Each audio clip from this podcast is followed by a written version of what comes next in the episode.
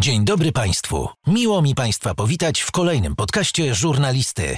Zanim zacznie się rozmowa, chciałbym Państwa w imieniu gospodarza poprosić o wystawienie oceny i obserwację podcastu. Nie zajmie to Państwu więcej niż kilka sekund. Życzę dobrego odsłuchu. Dzień dobry Państwu. Rozmowy żurnalisty są przeznaczone dla osób pełnoletnich ze względu na występującą w nich treść. Pozdrawiam. Adam Nergaldarski. Żurnalista. Rozmowy bez kompromisów. Podcast napędzany przez Lab One. Dzisiaj u mnie Ania Wędzikowska. Dzień dobry. Cześć, dzień dobry. Ja wyszłam z takiego bardzo niestabilnego środowiska w domu i to rodzi właśnie takie poczucie, że jak nie będę wszystkiego kontrolować, to świat się zawali na drobne kawałki. Więc jak wyglądał ten dom? Wiesz, ja jestem DDA, czyli mhm. wyrastałam w domu, w którym był alkohol, który zawsze powoduje mm, brak stabilności.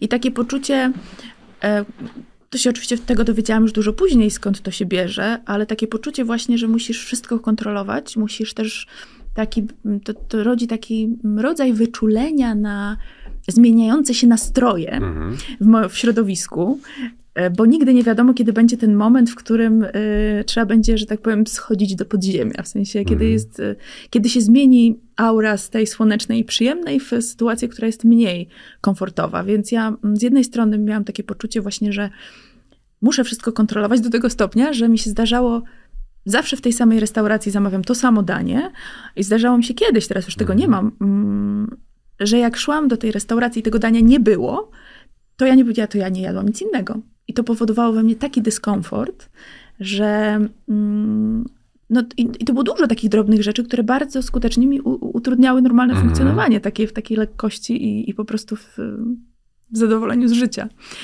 E, więc ta moja kontrola była posunięta bardzo daleko, a, a, a drugim tego aspektem jest właśnie takie wieczne wyczulenie na nastroje otoczenia, co pomaga na przykład w mojej pracy, bo łatwo mi było wyczuwać, czy ktoś jest w dobrym humorze, mhm. czy jest bardziej w humorze do żartów i możemy rozmowę poprowadzić e, niepoważnie i żartobliwie, czy może akurat możemy porozmawiać o życiu i mogę zadać jakieś bardzo poważne pytanie, więc w pracy mi to pomaga.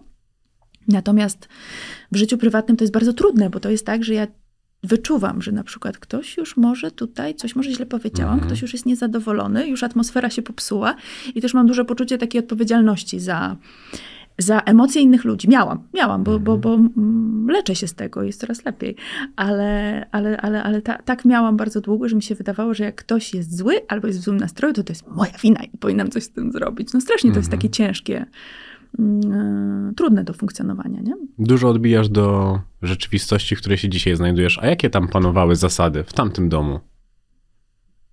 W moim domu? W którym dorastałaś? Mm, wiesz, to był taki dom, w którym było bardzo dużo rzeczy super. I tym trudniej jest potem w dorosłym życiu rozpoznać te rzeczy, które nie były mhm. super. Więc y, w moim domu y, nie było bardzo dużo wolno. Ja dostałam bardzo duże pole zaufania od rodziców. Byłam bardzo wspierana w moich pomysłach na to, jakbym chciała się realizować, i to było fajne. Z drugiej strony mm, były bardzo duże wymagania, jeżeli chodzi o moje, głównie jeżeli chodzi o naukę. Mhm. Czyli to, że trzeba było piątki, szóstki i w ogóle jeszcze najlepiej, że wszyscy inni mieli gorsze oceny, bo to same piątki i szóstki nie wystarczały. Chodziło o to, żeby być jeszcze lepszą od koleżanek. Mhm. Więc to, to we mnie urodziło takie poczucie, że ja muszę odnosić y, same sukcesy, bo to jest moja szansa na to, że będę zauważona i będę kochana. Mhm. Y, I najlepiej jeszcze, żeby y, być w tym najlepszą, no słuchaj, wyobraź sobie, że ja przez całą podstawówkę, yy, to, że miałam czerwony pasek, to jedno, mhm. ale też nigdy nie miałam czwórki na świadectwie. Yy, I zawsze byłam najlepszą uczennicą w klasie, w ogóle w szkole. Olimpiady, konkursy mhm. recytatorskie, oprócz tego się uczyłam grać na fortepianie, chodziłam na tańce, na rysunek i tak dalej. A rodzice i tak mieli do mnie zastrzeżenia, bo miałam obniżone zachowanie, w sensie z wzorowego na bardzo dobre, mhm. bo rozmawiałam na lekcjach. I mama przychodziła z, y, z wywiadówki tak zwanej i ja się bałam, że mama przyjdzie i będzie miała do mnie pretensje o to, że mam obniżone zachowanie, bo ocenę z zachowania, bo gadam na lekcjach. Więc no to we mnie zrodziło potem takie poczucie, że zawsze muszę, muszę, po mhm. prostu muszę być we wszystkim najlepsze, no bo to jest jakby jedyna szansa na to, że żeby. No inaczej nie czułam się wartościowa, po prostu. Ale ty miałeś spełniać ambicje rodziców? Bo zastanawia mnie, no pewnie dzisiaj jesteś w stanie ułożyć to jako dorosły człowiek. Dlaczego tak to wyglądało? Mm, wiesz co, ja to sobie myślę, że to w ogóle było takie pokolenie.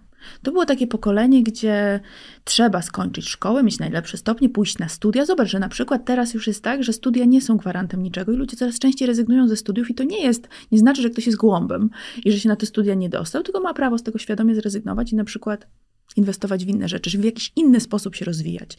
Za tamtych czasów to było, yy, moi rodzice oboje byli po studiach, Mhm. wiadomo było, że no, nauka to jest w ogóle podstawa wszystkiego. To jakby, to w ogóle było jakieś takie bezdyskusyjne, że to, to, to jakby nauka to jest podstawa, to, to jest twój obowiązek, nie? Mhm. No tak, ale wiesz, jak mówisz o tym z wzorowego na bardzo dobre, ja rozumiem, że studia i to wszystko, no w perspektywie takiego, takiej codzienności jest to strasznie męczące, bo zastanawiamy się ta wolność, o której powiedziałeś, że dostałeś bardzo dużo wolności, to czym ona się przejawiała, skoro w szkole była taka Przejawiała musztra? się tym, że mnie rodzice nie pilnowali, że na przykład muszę odrobić lekcję. W sensie, jak już byłam w liceum i chciałam sobie pójść na imprezę, a potem się uczyć w nocy, to nikt nie miał z tym Mhm. problemu. W sensie, byłam rozliczana tylko z efektów. A kiedyś nie dowiozłaś efektów? Wiesz co, potem w liceum to już mi trochę odpuścili. Mm, Bo ja sobie postanowiłam, że pójdę do liceum Batorego, gdzie rodzice Mhm. z jednej strony, wiesz, mnie cisnęli, ale z drugiej strony powiedzieli mi, że mnie nie zdawała do Batorego, bo się na pewno nie dostanę. E, No ale jak się dostałam, to się okazało, że to nie jest taka prosta sprawa i że już nie będę najlepszą Mhm. uczennicą. Mm, Jak już się z tym gdzieś tam pogodziłam, no to się okazało, że już tam czwórki są ok i już mi tam no, trochę mi odpuścili, Mhm. nie? Więc to, to, to jakby... No poza tym to też był taki moment y, eskalacji tego alkoholu w domu, więc już też jakby ten fokus już nie był tak bardzo na mnie. A bardziej na problemy? S- Wiesz, jak to jest? Człowiek ogarnięty alkoholizmem jest bardzo mocno skupiony na sobie. I trochę to, co jest dookoła, przestaje mieć znaczenie. Ważny jest Mhm. nauk. No, tak, tak, jak, tak działa każdy nauk. A co było dookoła ciebie? No bo mówisz o tym, że od rodziców miałeś dużą wolność, uczyłaś się, ale czym w rzeczywistości było twoje dzieciństwo? Wiesz, to jest trudne pytanie, dlatego że ja sobie to próbuję odbudować na nowo. Mhm. Bo wiesz, że pamięć jest. y, czymś- Zawodna i ona kłamie. Pamięć jest największym mitomanem. Potrafi naprawdę opowiedzieć historię na ileś różnych sposobów. Ale zazwyczaj pamięć wyłagodzi wspomnienia niż je zaostrza. Wiesz co, ja trochę jestem teraz w takim procesie, bo był taki moment bardzo długi, że ja zaprzeczałam wszystkiemu, co było złe e, w moim domu. Mhm. I nie potrafiłam w ogóle dotknąć tego, no, tych traum, tej krzywdy, która mi się przydarzyła. Nawet jak zaczynałam chodzić na terapię, mając lat 20 parę, to były pewne tematy, których nie mogłam, nie, nie, nie byłam w stanie ich dotknąć. Jakoś to było zbyt, zbyt bolesne, może było jeszcze zbyt wcześnie. E, I wydawało mi się, że mogę tak sobie dalej funkcjonować, no bo to już jest przyklepane Mhm. za ten, zamurowany i w ogóle nie ma sensu tam zaglądać. I wydawało mi się, że jestem w stanie tam nie zajrzeć. Mm, I wtedy to było trochę taki obraz tego mojego dzieciństwa zbudowany na tych najpiękniejszych rzeczach. Na tym, że dużo z rodzicami wyjeżdżaliśmy, że mm, byłam bardzo szybko traktowana jako osoba dorosła, że rodzice mi nigdy nie powiedzieli, jaką ścieżką mam iść, że, że tu miałam bardzo dużą wolność, że wyrobili we mnie dużo pasji i zawsze mnie w tych pasjach wspierali. Jak chciałam jechać na studia do Londynu, to pieniądze się znajdowały i tak dalej, i tak dalej. I nie byłam w stanie dotknąć tego, co trudne. Potem, jak zaczęłam dotykać tego, co trudne, to przez jakiś czas weszła mi taka narracja, że było tylko źle Mhm. bo zrobili mi to, zrobili mi tamto, tu mi krzywdę wyrządzili, tu się nie wyrobili, a tutaj wiesz. I, i chyba musiałam też przejść taki okres. On był dla mnie bardzo ważny. Em, bo trzeba zawsze wyjść z takiego właśnie zaprzeczenia, uznać swoją krzywdę Mhm. i swoje traumy i wszystko, co się wydarzyło, bo to trzeba przeżyć. Trzeba przeżyć żal za to wszystko, co się nie wydarzyło, albo za te wszystkie złe rzeczy, które, które no, mnie spotkały. Mm, No ale potem musi przyjść moment takiej integracji, czyli żeby, ta, y, żeby to dzieciństwo mniej więcej zacząć widzieć i rolę rodziców mniej więcej zacząć widzieć mm, obiektywnie, na, ile, na, na tyle, na ile się da i zrozumieć ten dualizm. Mhm. Czyli to, że było źle, ale było też dobrze. Że mm, rodzice mi zrobili dużo rzeczy, które, mm, których konsekwencje odczuwam do tej pory, ale wiem też, że mnie kochali i że mm, to nie były złe intencje i że oni mieli pewne swoje uwarunkowania, które sprawiły, że zachowali się, zachowywali się w taki, a nie inny sposób. Em, I że każdy robi najlepiej jak potrafi z poziomu świadomości, na którym się znajduje. Mhm. I dopiero moment tej integracji sprawił, że a gdzieś jestem na tym etapie integracji, to dopiero sobie teraz patrzę tak, myślę, oglądając to coraz bardziej obiektywnie i integrując te momenty i, i uznając to, że moje dzieciństwo było i takie, i takie. Nie? Że było i szczęśliwe, Mhm. i trudne. No to czym było? Jakbyś miała powiedzieć, co było zapachem twojego dzieciństwa? Hmm. Nie wiem, wiesz, nie umiem ci odpowiedzieć na to pytanie. W sensie nic mi się nie, jak mówisz o tym, to nic mi się nie manifestuje takiego Mhm. oczywistego albo takiego jednolitego. Okej, a co, jak, jakie były momenty, do których nie chciałaś zaglądać? Wiesz, no, w mm, postępującej chorobie alkoholowej to naprawdę dochodzi do sytuacji w pewnym momencie już bardzo patologicznych. Mm.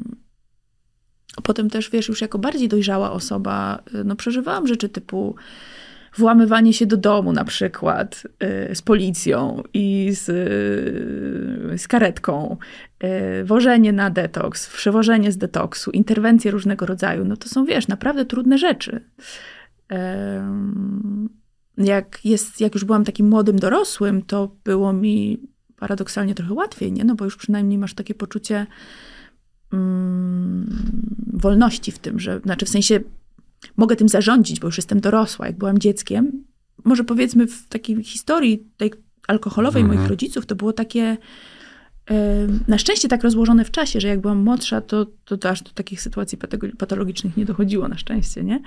Ale potem, mm, no potem się z nimi mierzyłam, na przykład jako młoda mama, wiesz, tutaj z dzieckiem pod pachą pięciomiesięcznym, Mhm. w tym foteliku samochodowym się próbuję dobijać do domu moich rodziców, bo nie wiem, czy w ogóle jeszcze żyją, nie? Więc to były takie trudne sytuacje, no co mam ci powiedzieć. Prawda. No to ci mówię. Ale to oni mm, razem pili? Tak, pili oboje. I jak ty reagowałaś na to? No bo wydaje mi się, że dziecko może mieć dużo niezgody i próbuje na wiesz początku co? krzyczeć. Ja reagowałam właśnie bardzo agresywnie. Tak jakoś budziło to we mnie taki straszliwy bunt, który zresztą potem mi został na życie i był rzeczą, z którą musiałam sobie poradzić, że ja w ogóle na sytuacje przerastające mnie Mhm. reagowałam, wiesz, nie smutkiem, nie zamknięciem w sobie, tylko właśnie tak buńczucznie i agresywnie, co mm, mi nie, nie, nie, nie ułatwiało mi życia. W sensie mm, było nieadekwatne często, nie? I było, stało się taką moją defaultową reakcją obronną. Mm, I to nie, jakby, nie, nie fajnie mi się z tym żyło. To, to jakby to, że sobie z tym poradziłam, to taki uważam za, za, duży, za duży sukces i du, dużo taki em, ta, taki, taki e, ułatwienie w moim życiu, tak. Mhm. A w twoim rodzicu is- istnieli też inni dorośli ludzie, czy to byli tylko rodzice?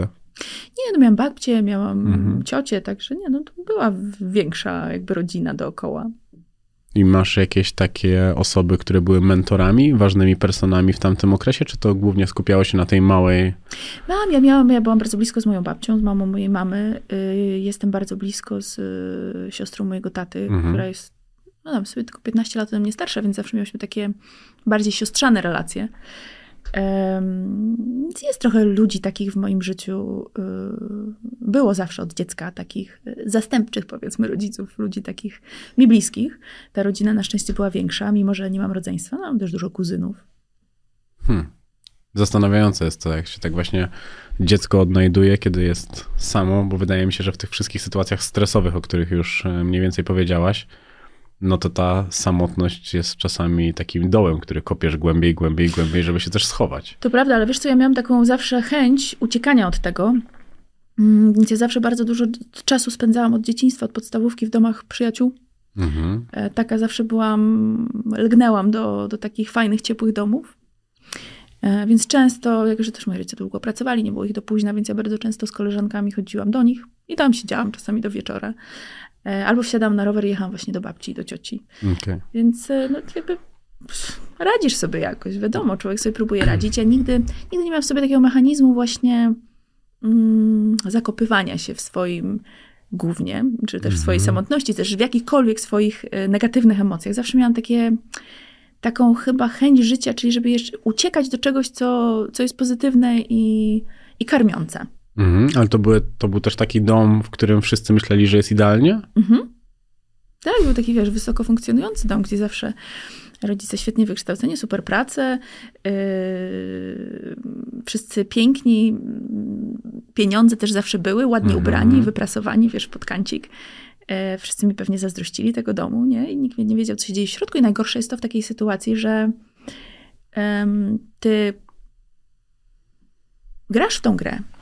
No właśnie. Chowasz to, nie mówisz o tym, co jeszcze bardziej potęguje takie uczucie toksycznego wstydu i takie poczucie, że a co by było, jakby ktoś to odkrył? I trochę takie poczucie przynajmniej współodpowiedzialności, a być może odpowiedzialności, bo dzieci są takie egocentryczne w myśleniu o tym, co się dzieje wokół nich, więc y, mają mm, takie poczucie odpowiedzialności, że może to się dzieje przeze mnie. Może ja coś zrobiłem, że, że mnie to spotyka. Dlaczego ja, a nie ktoś inny? No szczególnie, że sama mówisz o tym, że byłaś wrażliwym dzieckiem od samego początku. Jeszcze tę wrażliwość traktowałaś jako słabość.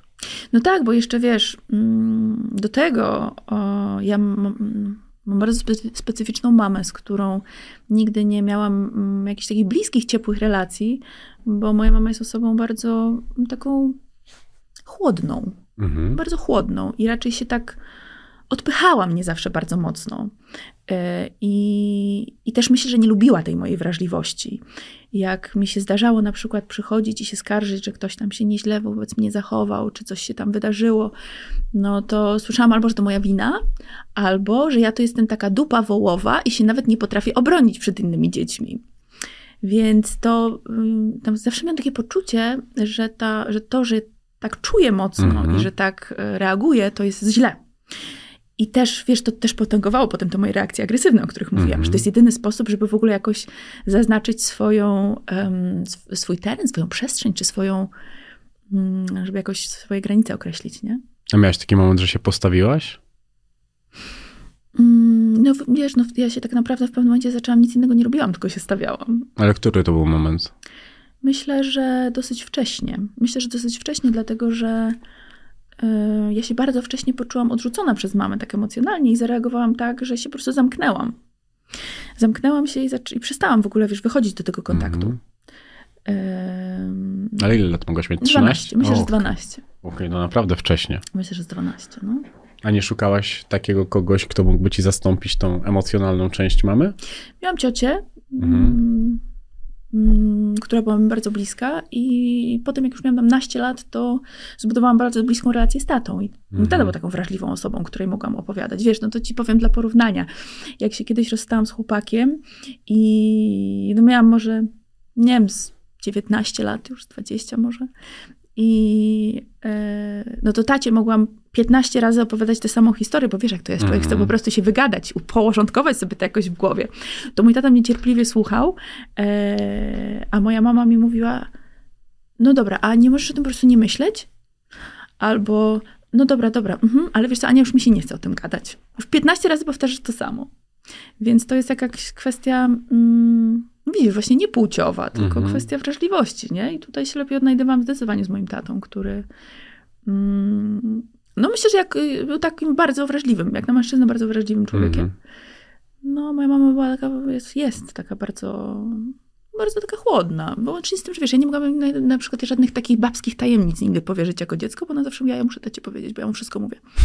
Nie, no, takich dużo takich drobnych sytuacji, które sprawiły, że po prostu no ta relacja po tym okresie mhm. dziecięcym, gdzie ona była bliska, no bo jak byłam dzieckiem, to jakoś to było ok. Można było mi powiedzieć, co mam zrobić, ubrać mnie w ładną sukienkę z kokardką, nie? Yy, I było super, ale jak zaczęłam mieć jakieś tam swoje odrębne stanowisko i odrębne zdanie, to to się w ogóle jakoś nie pokleiło. A rozmawiałaś kiedyś z nimi, dlaczego oni byli ze sobą? Bo się bardzo kochali. Bardzo się kochali. Myślę, że to, do tego stopnia się kochali, że tam nie bardzo w ogóle było miejsce na dziecko. Nie wiem, po co im w ogóle było to dziecko, w sensie ja. Bo tam, wiesz, oni byli, moi rodzice byli tak mocno skoncentrowani na sobie, że w zasadzie nikt nie, więcej nie był potrzebny do szczęścia. Powiedziałaś też o tacie, że był chodzącą uczciwością, był zabawny, mądry i miał fantazję. Nigdy nikomu nie odmówił pomocy, o sobie myślał na końcu. Wszystko, co dobre, masz od niego. Zawsze potrafiłaś tak patrzeć na swojego tatę?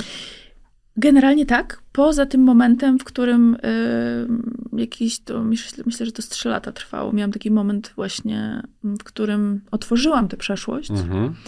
I zaczęłam zaglądać, e, wiesz, do tej szafy z tymi trupami i sprawdzać, co tam było niefajnie.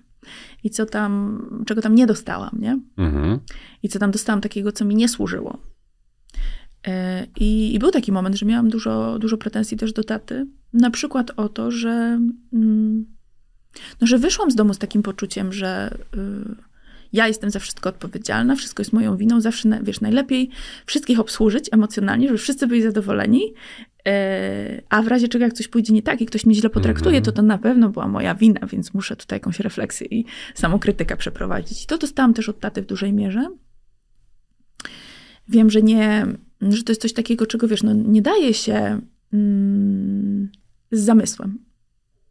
Nie, nie daje się tego z mhm. zamysłem. To jest bardziej tak, że yy, dajesz coś, co, co, co, co, sam dostałeś. Jeżeli sobie nie przepracujesz, to to jest tak, że te pokoleniowe traumy mhm. przenoszą się z pokolenia na pokolenie, jeżeli, dopóki nie przyjdzie ktoś, kto się po prostu z nimi nie rozliczy. Mam nadzieję, że to będę ja w mojej rodzinie. Nie? To takie, takie jest hasło wszystkich osób pracujących nad sobą. Mam nadzieję, że moje pokoleniowe traumy zakończą się ze mną. W sensie na mnie. Mhm. Mm, no ale jak sobie tego nie przerobisz, no to to, to, co wchłonąłeś od swoich rodziców i to, co dostałeś, te wszystkie skrzywienia też, przekazujesz dalej, czy chcesz, czy nie chcesz, nie?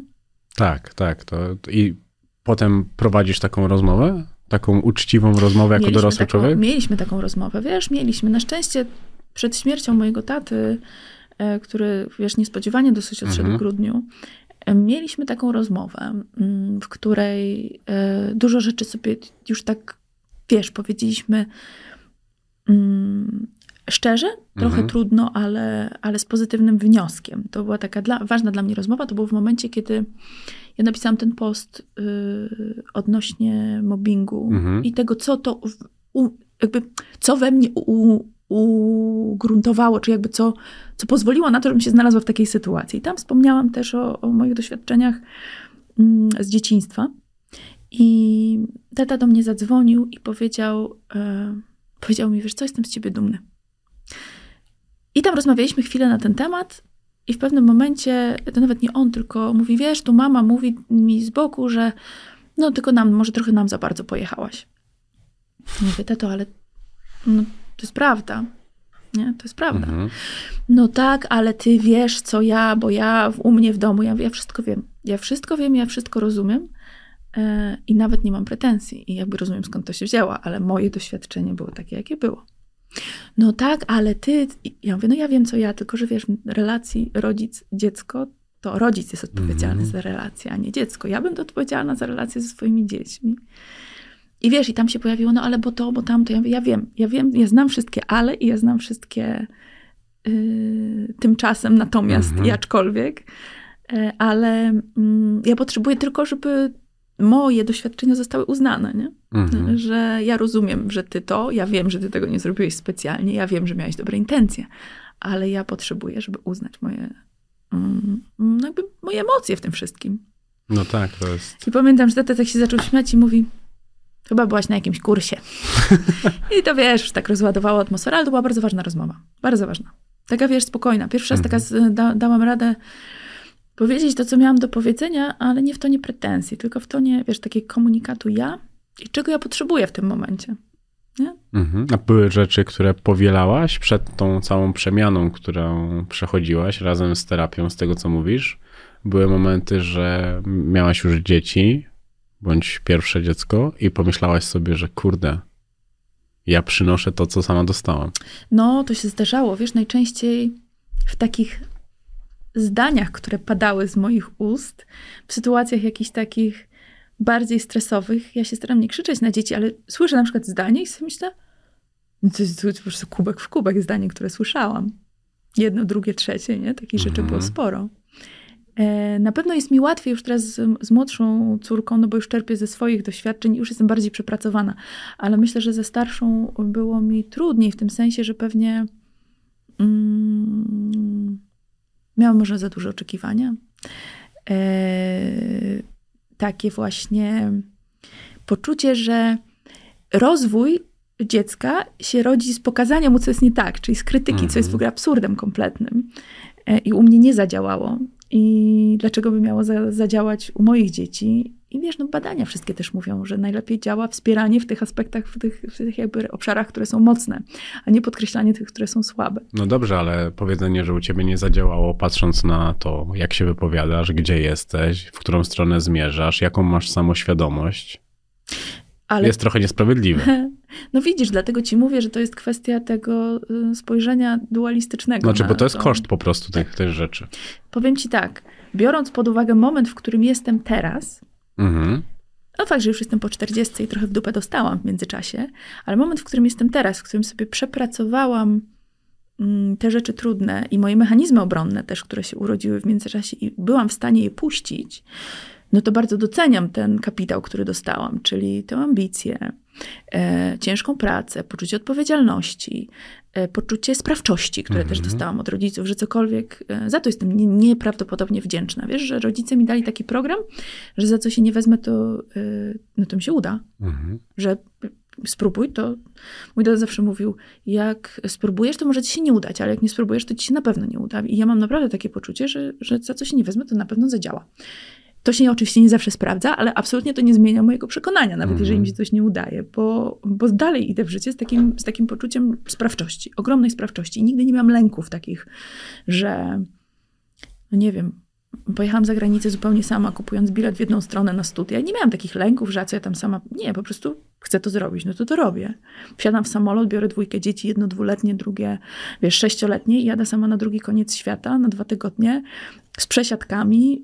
Yy, wszystko ogarniam sama, nie to, że z biurem podróży i w ogóle nie mam takiego Piszą do mnie czasem ludzie, czasem mamy do mnie piszą, a czy ja się nie boję, jak się, że się coś stanie, albo że mi dziecko zachoruje. Ja w ogóle nie mam takiej projekcji, ja w ogóle nie mhm. mam lęków w sobie, więc to jest bardzo duży kapitał, który e, wyniosłam z domu. Wyniosłam też to ogromne obciążenie, które yy, no trochę mi czasu zajęło, żeby sobie z nim poradzić, nie? Z tym właśnie perfekcjonizmem. Z takim poczuciem, że ja muszę, bo jak nie robię czegoś, to jestem bezwartościowa. Mhm. Brak takiej mm, bezwarunkowej miłości yy, i takiej, wiesz, takiego poczucia yy, czułości i miłości w stosunku do siebie. To są rzeczy, nad którymi musiałam bardzo mocno pracować, ale teraz już jestem w takim momencie, że to zaczęło to mi, wiesz, po naprawdę paru latach ciężkiej pracy i naprawdę takich dołów też po drodze. Coś kliknęło, i powiem ci, że jestem teraz, wiesz, w najlepszym momencie życia, więc mhm. y, trudno jest mówić, że coś. W sensie trudno jest coś krytykować tak do końca, kiedy y, okazuje się, że wszystko w tej mhm. układance miało sens. A gen do uzależnień dziedziczyłaś, czy wręcz wypierałaś przez dzieciństwo? Mam poczucie takie, że muszę na to patrzeć cały czas. Dlatego się staram nie mieć żadnych mhm. uzależnień. Dlatego no, ci powiedziałam, że z kawy zrezygnowałam, teraz z mięsa ostatnio. Yy, I widzę na przykład yy, internet, że wiesz, że telefon, że to jest coś takiego, co mnie. Na przykład telewizji nie oglądam w ogóle. W ogóle mhm. telewizor nigdy nie jest włączony, nawet jakichś takich platform, wiesz, streamingowych też nie bardzo. No ale telefon. Nie, telefon. Mhm. Oglądam ciągle jakieś wiesz, podcasty, słucham jakieś wykłady i zasypiam z tym telefonem na cały czas na słuchawkach. I myślę sobie, że może za często zaglądam na ten Instagram, ale wiesz co, przez to, co mnie spotkało i co, co widziałam, to mam taki cały czas taki głosik w głowie, który mi mówi, patrz na to, kontroluj to, cały czas wiesz.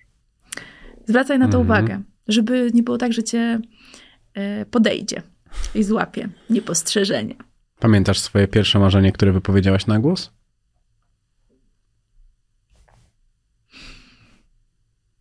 O Jezu, chyba nie. Nie. Nie. A masz dużo wspomnień tamtej dziewczynki, którą byłaś?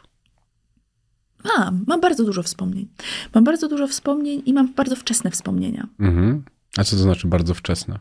No, jak tak, kilkulatki. No w sensie, że na przykład jak miałam 5 lat, to pojechaliśmy samochodem do Bułgarii e, z rodzicami, mhm. tam na kilka tygodni ze znajomymi, no to bardzo dużo pamiętam, praktycznie cały ten wyjazd pamiętam. Też faktycznie, że to jest takie no, duże przeżycie dla dziecka, więc, więc może nic dziwnego, ale pamiętam, pamiętam bardzo dobrze. Pamiętam przedszkole, tak dosyć, no dużo rzeczy pamiętam. A miałeś ulubione, swoje ulubione zabawki? Słuchaj, ja do tej pory mam jedną taką ulubioną zabawkę. Nie chcę swoją. pytać, bo to może być nie ta zabawka już. Nie, małpkę, małpkę mam taką, wiesz, taką yy, przytulankę z takimi długimi mm. łapkami i długimi nóżkami. Ostatnio moja mama ją przywiozła dla moich, yy, moich córek. One się w ogóle bardzo cieszą, jak dostają jakieś zabawki po mnie. A byłaś fajną nastolatką? Już abstrahując dom. Ja miałam, wiesz co, trudny ten czas końca podstawówki. Mhm. Dopiero w liceum miałam fajny nastoletni czas. Liceum to jest w ogóle taki mój najfajniejszy czas, kiedy... Szkoła trochę poszła lżej. Nawet nie o to chodzi. Wiesz co, ja chodziłam do takiej osiedlowej podstawówki, gdzie no, były dzieci podobne do mnie, ale było też dużo dzieci z domów patologicznych, mhm. które tam, wiesz, no, miały same jedynki i w zasadzie to tam, wiesz, były przepychane z klasy do klasy albo i nie. E, I moje dobre stopnie to było coś, co sprawiało, że byłam bardzo niepopularna. Więc ja uważam, ja się trochę wstydziłam tego, że mam dobre oceny. Eee, nazywali mnie w szkole chodzącą encyklopedią.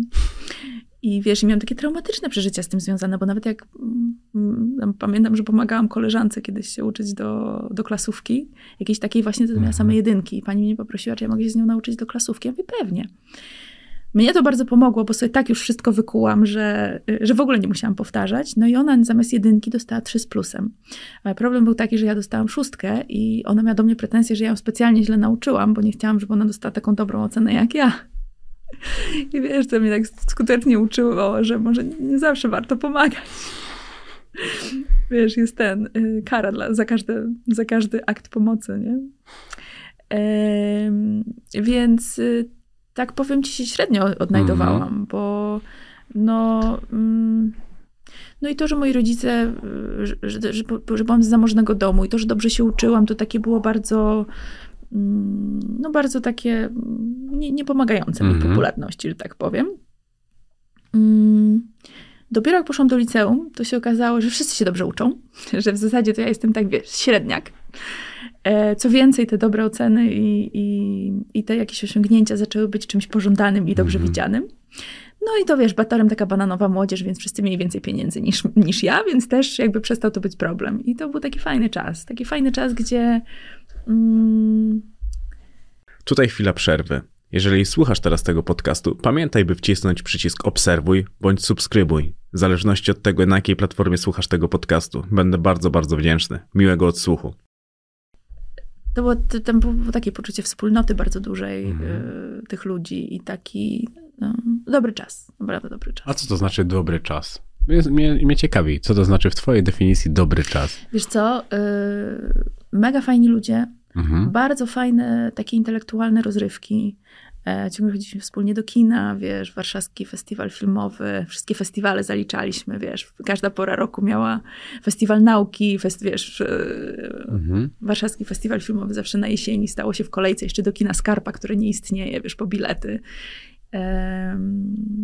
To już był pierwszy moment, że, że wiesz, było nocowanie poza domem, e, duże poczucie wolności takiej, mhm. które nam dawali nauczyciele takie poczucie dorosłości. Mhm. Pamiętam, że wtedy profesorowie już zaczynają do nas mówić, proszę pani, proszę pana, więc takie masz poczucie, wiesz, kurczę, zaczynam być dorosłym człowiekiem. Eee, no i mega, mega, mega fajni ludzie z fajną energią. Tam też... wielka szkoła, ogromna, nie? U mnie było 9 klas na roku, po 36 osób, więc takie poczucie wow. naprawdę ogromnej takiej wspólnoty, bardzo fajnej. Takie już smerfy niepolskie. No, otóż to. Pierwsze miłości też były tam? Tak. Tak, tak. I jakich lubiłaś chłopców? A wiesz, że ja w ogóle do tej szkoły poszłam z mojej pierwszej miłości do Kamieni na Szaniec. Do takich lubiłam chłopców, nie? Ja powiedziałam, mm -hmm. że mhm. będę chodziła do Batorego, bo tam chodzili ale Grudy mm -hmm. i mhm. Zośka. To była dla mnie fascynacja, wiesz, ja lubiłam takich właśnie e, przystojnych, ale też, wiesz, Bóg, honor, ojczyzna, nie? Takich mm, Sławek prawych... Słucham? Sławek Mencen. A, ty, ty, ty. Przystojny Bóg, honor, ojczyzna. Jeszcze możemy Bosaka dorzucić. Wiesz, niestety od tego czasu to się trochę skrzywiło. No. Wiesz, w tamtych czasach... w tamtych czasach inaczej wyglądało świętowanie y, Dnia Niepodległości. Mhm. I 1 sierpnia na Powązkach też trochę inaczej wyglądał. Wróćmy do chłopców. tak. Więc wiesz, no Alek mi się podobał. Alek mi się zawsze najbardziej podobał. Taki wiesz, przedwojenna uroda, mhm. włos zaczesany do tyłu, nieco dłuższy, wysoki, ale też wiesz, właśnie honorowy, prawy, uczciwy, wykształcony, intelektualista. No to wiesz, w Batoru mnóstwo takich było, sami tacy. Czyli byłaś kochliwa? Hmm, chyba nie, wiesz, no rzadko, mi się, rzadko mi się kto podobał. To już musiało naprawdę tak wszystko, wiesz, pasować i grać. Naprawdę wydaje mi się, że jak taka jednaczka w domu tak trochę gorzej, to mogłaś poszukiwać właśnie bezpieczeństwa. No poszukiwałam, tylko wiesz jak to wyglądało. To chodziło o to, żeby obiekt był możliwie e, niedosiężny. Ja się tak zakochiwałam, wiesz, tak na odległość. Nie? Że tak to nigdy nie mogło być zrealizowane, no bo ja tak nie do końca Mhm. wiedziałam, jak, to, jak, to, jak to jest, jak to będzie spełnione. Więc to takie były miłości, które długo trwały, ale były takie zwykle niespełnione, no bo nawet tam, że nie, nie zachodziły często okoliczności do tego, żeby mogły być spełnione w jakiś sposób. No, tak miałam od, Mhm. od, od lat nastoletnich. A w Batorym już byłaś gwiazdą szkolną, czy... Nie, nie, nie, nie, nie. O. Ja wiesz co, zawsze dużo młodziej wyglądałam. Jak miałam lat 15 i szłam do Batorego, to wszyscy uważali, że mam 12, więc ja taką byłam dziewczy- dziewczyneczką. Mhm. E, więc też późno się zaczął u mnie ten okres e, pierwszych miłości chłopaków, bo myślę, że długi czas byłam drobna, szczupła, i takie dziecko, nie? Więc taka byłam trochę niezauważalna w tamtym okresie, gdzie mm, no gdzie pewnie y, bardziej taka szybko kwitnąca kobiecość była e, atrakcyjna Mhm. dla płci przeciwnej. Nie? Pamiętam, że bardzo cierpiałam z tego powodu wtedy, ale mi mówili, nie martw się, wiesz, za 20 lat będziesz się cieszyć i rzeczywiście teraz się cieszę. Zdecydowanie wydaje mi się, że jednak nadal wyglądasz jak licealistka. Tutaj- Wreszcie. Wreszcie, wreszcie. To kiedy miałaś pierwszego poważnego chłopaka? Wiesz co, myślę, że z 17 lat. 17, no. Mm, To już taki rozsądny wiek No. na pierwszego chłopaka. Ale rodzice dobrze przyjmowali innych ludzi w twoim życiu? Tak, tak, tak. No moi rodzice to wiesz, z tych takich, co to uważali, że e, jakbym się pokłóciła z tym chłopakiem, to na pewno moja wina. No, no tak, jasne, że to. A spotykałaś, Że pewnie go nawet bardziej lubili niż mnie. a spotykałaś się z takimi właśnie przeciwieństwami? To znaczy? Z takimi niegrzecznymi? Nie, chyba nie. Chyba nie. Bo to mnie zastanawiało, czy ta encyklopedia mogłaby jednak e, z takimi innymi ludźmi gdzieś tam się pozadawać. To dopiero później mi przyszło. Tak? To dopiero chyba z dorosłością. Ja już się kompletnie pogubiłam, wiesz? Jeszcze w pewnym momencie kompletnie pogubiłam, co mm, jakby co mi się podoba, co mi powinno klikać, albo inaczej klikało mi to, co miałam w swoim schemacie, zanim go przepracowałam, nie? Więc to... A to mi trochę czasu zajęło, żeby zrozumieć, że jednak ci moi partnerzy mieli wszyscy jakiś wspólny mianownik, mimo że mi się wydawało, że są tak różni od siebie. Pamiętasz, kiedy pierwszy raz pomyślałaś, że zrobisz karierę? Powiem ci w tajemnicy, że już w Mhm. podstawówce się podpisywałam na zeszytach wiem, koleżankom i kolegom. No ale tak serio. Kiedy pierwszy raz pomyślałaś, że chyba zrobię karierę? Że jestem w dobrym miejscu i to się uda? Szczerze mówiąc, to chyba nigdy nie miałam takiego momentu, bo wiesz co, to, ta moja kariera, ona się rozwijała tak bardzo powoli i takimi dziwnymi etapami, że nigdy nie miałam takiego. Rozmawiałam ostatnio na ten temat z y, Kasią Glinką, która mówiła, że u niej tak w ciągu roku nagle wszystko wybuchło. To u mnie tak nie było. U mnie było trochę tak, że pierwszy moment był taki, kiedy poszłam na casting do filmu Ślesickiego Mhm. i dostałam rolę. I sobie pomyślałam, no to jest coś fajnego, to jest coś super. I tam w ciągu roku zagrałam w dwóch filmach, które były potem na festiwalu w Gdyni, oba te filmy, i ja wręczałam jakąś nagrodę na tej oficjalnej gali. Miałam wtedy 21, może 22 lata. Kompletnie nie potra- potrafiłam zrozumieć wagi tego, co się właśnie wydarzyło, że zagrałam, mam 21 lat, Mhm. zagrałam w dwóch filmach, oba są na festiwalu, w konkursie i ja wręczam jakąś nagrodę na gali. Więc to był chyba pierwszy taki moment, że, że się coś zadziało takiego dużego i ważnego, ale ja zaraz potem wyjechałam do Londynu i to tak trochę ucichło. Potem znowu wróciłam.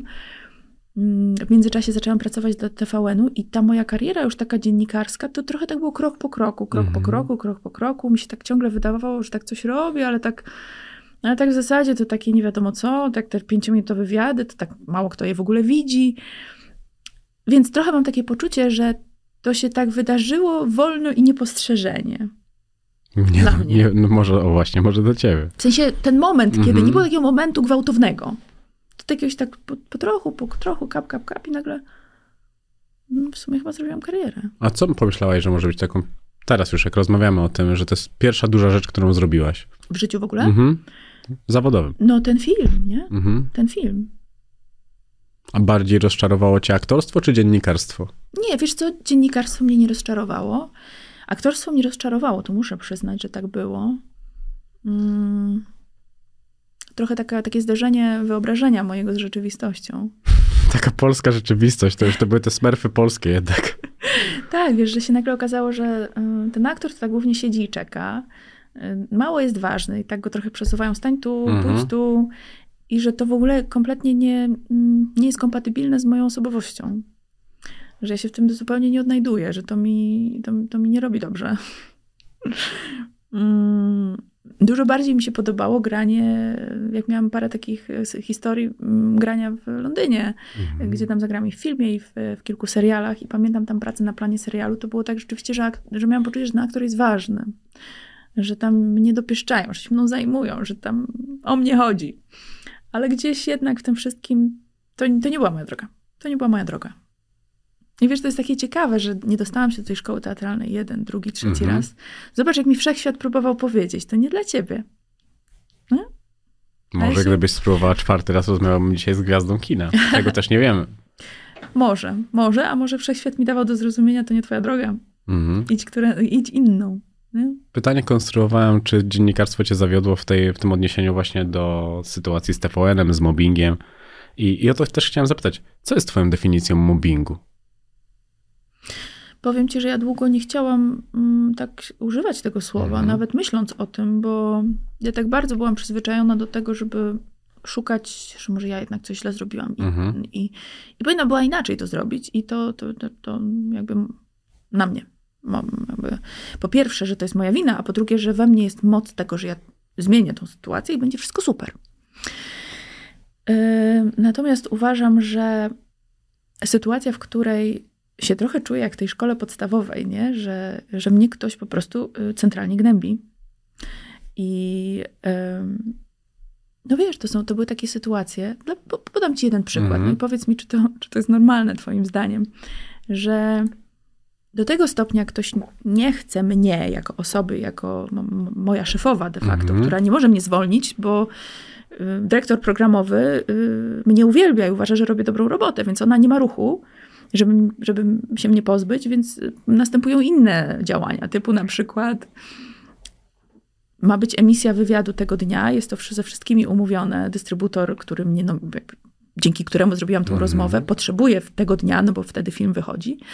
I producentka tego wywiadu na przykład nie puszcza, a potem mówi, wiesz co, bo ja zapomniałam. Zapomniałam, no nie przypomniałaś mi, to to pójdzie w następnym tygodniu. I dzwoni do dystrybutora i mówi, jedyną gwarancją emisji we właściwym czasie jest to, żeby to przechodziło przeze mnie. Nie, proszę się nie kontaktować z Anią, tylko ze mną bezpośrednio. No i potem to idzie przez nią bezpośrednio, już nie ja to robię, tylko ktoś -hmm. inny. I takich działań jest ileś tam, w wyniku których no, ja przestaję mieć powoli pracę, mimo że nikt mnie nie zwalnia, nie? Ale ten wywiad pójdzie do tego, ten do tamtego i nagle okazuje się, że nie masz roboty, nie? Mhm. No bo to było dla mnie interesujące w takim już całym odniesieniu. Bo... Ale to było dużo sytuacji, że na przykład ktoś ci przychodzi na montaż i mówi, że jesteś źle ubrana, bo za bardzo zwracasz na siebie uwagę. Albo, że na przykład montażysta ma powycinać wszystkie, yy, wszystkie yy, w, monta w montażu, no, wytłumaczę tu może, nie wszyscy wiedzą, że w montażu jest tak, że głównie jest ujęcie mnie w tym mm -hmm. przypadku, ciebie akurat w ogóle nie ma, ale zwykle jest tak, że jestem ja i raz na jakiś czas jest odbicie na ciebie i ty tam kiwasz głową albo mówisz, a Ania, fajnie, super. No. Pięknie wyglądasz, Ania, tak. Na przykład, albo zadajesz jakieś pytanie mm -hmm. i wtedy mhm. jest na ciebie. No i to się nazywa przebitka. Nie? Przebitka, mm -hmm. w mhm. której robisz tak na przykład, nie? Albo się śmiejesz, cokolwiek. No i na przykład przychodziła producentka i mówiła, że trzeba wszystkie przebitki na mnie wyrzucić, bo za dużo mnie jest w tym wywiadzie. Nie? No, dużo takich różnych sytuacji, nie? A czym sobie zasłużyłaś na takie traktowanie? Wiesz co, ja nie byłam jedyna. Ja tam nie byłam jedyna. To jakby było dużo, dlatego też ja o tym głośno powiedziałam, bo takich sytuacji było dużo. Tam parę osób, było i parę procesów. Tam były osoby, które wylądowały w psychiatryku, na, na psychotropach i naprawdę mhm. ludzie, którzy w trudnej sytuacji byli, dużo trudniejszej niż ja, bo ich nikt nie chciał wysłuchać. No dobrze, ale boli cię to, że ci ludzie, o których powiedziałaś, dalej pracują w mediach? No był taki moment, że sobie tak o tym pomyślałam, że, że mnie to boli, że wiesz, że tylnymi drzwiami jedna z producentek nadal robi programy dla TVN-u, tylko zewnętrzne, u zewnętrznego producenta, nie? Mhm. Jedna pani jest w Polsacie. Tak, o, wiesz o tym, tak? No popatrz, jaki świat mały. Tak. Wiesz co, tak sobie w pewnym momencie pomyślałam, że to jest przykre, że to nie tak powinno wyglądać. Że z jednej strony ja słyszę, nie mów tego, bo nikt cię nie zatrudni. I rzeczywiście miałam takie poczucie, że trochę takim trochę byłam śmierdzącym jajem przez jakiś czas, nie? Mhm. Że powiedziałam głośno o czymś, co, no, co jest niewygodnym tematem. Ale i tak miałam takie poczucie, że to kurczę jest jednak niesprawiedliwe. Ale potem sobie pomyślałam, że no o co mi chodziło? Co było dla mnie ważne? Dla mnie było ważne, żeby być w swojej prawdzie. Ja uważam, że mm, kryterium tego, czy mówić o czymś, czy coś robić, powinno być tylko i wyłącznie to, czy to jest właściwe. Czy to jest prawda, mhm. czy to jest mhm. właściwe. Mm, ja uważałam, że po prostu należy tak zrobić. No ale ja słyszałem historię, że kiedy ty zareagowałaś oficjalnie, to zostały poczynione mhm, jakieś tam ruchy. To prawda, ja o tym wiedziałam. Posłuchaj, no tylko to, było, to były dwie historie. Jedna historia była taka, że ja uważałam, że muszę to zrobić. Wiesz, to, to było tak. Ja byłam na... Hmm, byłam na takim wyjeździe jogowym w Gwatemali, gdzie bardzo dużo mhm. pracowaliśmy nad odwagą serca, nie? Nad tym, żeby być w swojej prawdzie. I po pierwsze wyznaczać granice, mm, ale nie w agresji, tylko w łagodności, mhm. ale wyznaczyć te granice po to, żeby móc potem swobodnie otwierać serce mm, dla rzeczy, które są pozytywne, nie? Mhm. Że to się tak nie da się otwierać serca, jeśli się trochę nie chronisz. I ja, wiesz co, wracając z tej Gwatemali, yy, miałam pięć godzin w samochodzie, gdzie czytałam jakieś artykuły. Akurat mm, świeżym tematem były, była historia mobbingowa dotycząca Newsweeka. Mhm. I pod postem zobaczyłam mm, wiadomość napisaną przez dziewczynę, która kiedyś pracowała u nas w redakcji, która napisała: Ciekawa jestem, kiedy wreszcie ktoś się odważy, żeby powiedzieć coś o tym, co się dzieje w Dzień Dobry TVN. Ja to przeczytałam, wiesz, wtedy na tej energii, z którą wyszłam, i ja sobie po prostu pomyślałam, że to muszę być ja. Po prostu. Mhm. I to nie jest tak, że ja to rozważałam, e, myślałam o tym wcześniej, bo wiesz, mnie było bezpieczniej i e, przyjemniej tkwić w tej sytuacji, bo ja doszłam już do takiego etapu, że ja miałam stałą pensję i nawet jak oni mi tej pracy do zrobienia nie dawali, to ja mogłam mieć to w nosie, bo ja dostawałam stałe pieniądze i nawet mniej pracowałam. I miałam przez jakiś czas taki okres, że sobie pomyślałam, dobra, to ja nie będę na to zwracać uwagi, co tu się dzieje. Zrzucają mi materiał, nie puszczają, trudno. Robią mi coś, tam, trudno, niech tak będzie. Po prostu przestanę mhm. na to zwracać uwagę. I tak to działało przez jakiś czas sobie, że ja uważałam, że mam bezpiecznie, mam przyjemnie, nie mogę udawać, że tego nie ma. Mhm. No tylko w pewnym momencie zobaczyłam, że są też w tym inni, w tym inni ludzie. I takie, wiesz, nie wiem, może to jest głupie, może naiwne, że takie poczułam, mm, takie mi weszło poczucie odpowiedzialności. I tego, że muszę zrobić to, co jest właściwe, że to jakby, że to tak nie może być, że to po prostu nie mhm. może być tak, że zło zwycięży. I sobie pomyślałam, że dla, dla tych wszystkich ludzi, którzy odeszli w bardzo niefajnej atmosferze, czy też pracowali tam nadal w bardzo niefajnej atmosferze i który, które nie mogą nic z tym zrobić, bo nikt ich nie wysłucha, to ja mogę. No dobrze, ale zgłaszasz sprawę. Osoby są... A, to, dobra, a potem jest drugi aspekt tego, czyli no. ja zgłosiłam i wiedziałam, co się zadzieje. Ja wiedziałam, już po rozmowie, którą odbyłam na, podczas tego formalnego mhm. przesłuchania, już wiedziałam, że to konsekwencje zostaną wyciągnięte. No ale jeszcze jestem w tym wszystkim ja prawda? I to ja już mhm. jakby załatwiłam sprawę, która była zewnętrzna, i wtedy sobie usiadłam sama ze sobą. I sobie pomyślałam, no dobra, Anka, ale jaka jest tutaj, jaki jest udział twój? Nie, nie wina, ale jaka jest twoja odpowiedzialność w tej sytuacji, nie? Bo nie bez przyczyny ktoś może sobie pomyśleć, no dobra, ale 15 lat tam pracowała. I to jest, wiesz, no to jakby słuszna uwaga. Mhm. Trochę było tak, wiesz, jak w takim jak takiej przemocowej, każdej przemocowej relacji, że to wyglądało tak. Nie było pewnego mhm. rodzaju sinusoidą od okresów docenienia, kiedy nagle dostajesz na przykład nagrodę albo pochwałę, że super na Oscarach zrobiłaś tą relację i w ogóle jesteś, jednak jesteś świetna i masz nagle takie to jednak będzie wspaniale, wszystko się ułoży i ta bajka będzie miała pozytywne zakończenie. Wiesz, no ja po prostu byłam w uzależnieniu yy, przemocowym. Normalnie w mhm. przemocowym uzależnieniu, w którym jak usłyszałam dobre słowo, to ja, ja niesiona na skrzydłach frunęłam przez kolejne tygodnie i był miesiąc miodowy, aż do kolejnej sytuacji, nie? I ja sobie w tym wszystkim usiadłam tak, taki rachunek sumienia zrobiłam. Jak to się stało, że ja się w tej sytuacji znalazłam? Że to tyle trwało. I zrozumiałam, że to jest pewnego rodzaju mój, mój schemat, który mm, sprawił, że ja nie zareagowałam wcześniej. Że były przecież osoby, które przyszły do tej redakcji, zobaczyły, co tam się dzieje i powiedziały: Nara. A ja się zapętliłam. Też trochę dlatego, że moja praca była na tyle, wiesz, fajna, atrakcyjna, mm. że trudno mi było z tego zrezygnować. Po pierwsze, to było fajne, po drugie, ja to kochałam. Um, ale, no co powinno być dla mnie ważniejsze? praca, fajna nawet, no czy moje szczęście, poczucie, wiesz, jakiegoś w ogóle dobrostanu. Mhm. Więc sobie zdiagnozowałam to, że mm, mój schemat mnie w tym trzymał. Więc jeżeli nie chcę być dalej w tym schemacie, czyli w schemacie zasługiwania, udowadniania swojej wartości, e, zasługiwania na cokolwiek, w ogóle na jakąkolwiek pochwałę, walczenia o to, żeby w ogóle być zauważoną i nie być lekceważoną, to, to wyznaczało w ogóle nie tylko moje zawodowe relacje, ale też prywatne. Więc jak ja już odkryłam, że to jest to, to ja sobie pomyślałam, że jeżeli ja z tego nie wyjdę, jeżeli ja nie podziękuję i jakby nie uwolnię się od tej sytuacji zawodowej, w której jestem, to ja tego schematu nie uwolnię. Mhm. I pomyślałam sobie, że jest mi szkoda, jest mi przykro, ale muszę to zrobić, bo stawka się toczy o coś dużo ważniejszego. Wiesz, o po prostu o moje szczęście, o, o moje życie, nie? O mnie, o moją wolność. I powiem ci, że to było strasznie trudne, bo te pierwsze takie miesiące po tym, jak podjęłam tą decyzję, cztery, może pięć, cztery na pewno, takie były bardzo trudne. Że ja sobie myślałam, kurde, może źle zrobiłam. Patrzyłam jeszcze w tamtą stronę, myślałam sobie, no różne rzeczy, nie? Musiałam przejść żałobę. Taki, Mhm. taki trudny, bardzo ciężki okres żałoby. Po stracie. No przecież No wiesz, 15, 15 lat, lat. no najdłuższy związek. Ale też wiesz, straty tożsamości. Bo kim ja teraz jestem? Nie? Tu miałam największy problem. Że jakby to, to co ja teraz będę robić? Kim ja teraz będę? Jak już nie Mhm. jestem, już nie jestem tą dziennikarką, tą wędzikowską od tych wywiadów z zagranicznymi gwiazdami, to kim ja teraz jestem? I jak już to poczułam w tym, w tym momencie tej straty, to sobie zdałam sprawę, że to była dobra decyzja. Że ja musiałam się z tym zmierzyć. Żeby stanąć, wiesz, tak oko w oko ze sobą, z tym, z tym poczuciem, jaki to był ważny element mojej tożsamości i, i wiesz, tak sobie, i specjalnie, wiesz co, ja specjalnie nie szukałam pracy, nie zatykałam tego czymś innym, nie wiesz, nie szukałam takich, takich kompulsywnych działaniach, żeby to wypełnić, tylko mówię, dobra, sobie zostawię teraz tą pustkę. Z tej pustki może przyjdzie coś takiego, co jest dla mnie najwłaściwsze, ale też ta pustka jest mi potrzebna po to, żeby wreszcie poczuć swoją wartość w oderwaniu od wszystkiego. Mhm.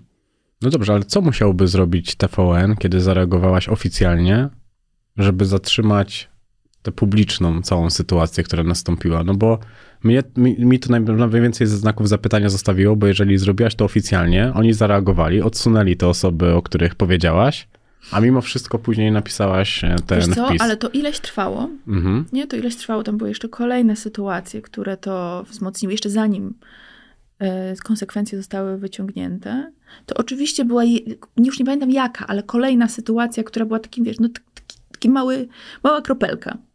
Jakiś kolejny wywiad, który miałam zrobić. Już nie pamiętam, co to było, ale to była jedna sytuacja, po której stwierdziłam, dobra, nie, no jednak nie, nie, nie, nie, nie zdzierżę, nie dam rady. I wtedy powiedziałam, że, yy, że odchodzę. Najpierw, bo to było w takiej kolejności. Najpierw powiedziałam, że odchodzę. Mhm. Y, I no i wtedy potoczyła się, po to jakby to przyspieszyło i zostały wyciągnięte konsekwencje. No natomiast no sam wiesz, jak te konsekwencje miały dalszy ciąg. To nie było Mhm. dyscyplinarne, to nigdzie nie zostało powiedziane. Em, No bo wydaje mi się, że to miało być rozegrane jak najbardziej po cichu. Być może, być może stały za tym różne względy mm, biznesowe bardziej. Natomiast wiesz, no dla mm, osób, które były po stronie ofiar, no to, to są ważne jednak Mhm. komunikaty, żeby zostało powiedziane, co jest, y, co było właściwe, co było niewłaściwe, nie? Ale Dzień Dobry TVN było daleko od sytuacji, która była opisywana w o Newsweeku? Ja nie pamiętam dokładnych, yy, że tak powiem, szczegółów Mhm. tego, co się działo w Newsweeku. Natomiast, no, powiem ci tak, różowo nie było, no. Różowo nie było. Moja sytuacja nie była najgorsza. Mhm. bo jednak ja cały czas miałam. y, No wiesz, no jednak nie oszukujmy się, ale w takiej sytuacji y, pewnego rodzaju kapitał medialny jest y, no, delikatny przynajmniej piorunochronem. Nie takim delikatnym, to jest jednak No, bardzo dużo. Uwierz mi, że i tak dostałam bęcki, więc widocznie nie, nie, nie, nie, nie, powst- nie powstrzymało to na tyle. Mhm. Natomiast wiesz, jeszcze wracając do tego, co zapytałeś, ja postanowiłam w tamtym momencie, że chcę odejść z Dzień Dobry. Natomiast nie myślałam jeszcze, czy odejdę z, TVN-u jako takiego. To jakby brak reakcji jakiejkolwiek na, na, na tę moją komunikację sprawił, że sobie pomyślałam, okej, no to, to już jest ym, to już jest czas taki definitywny. Mhm.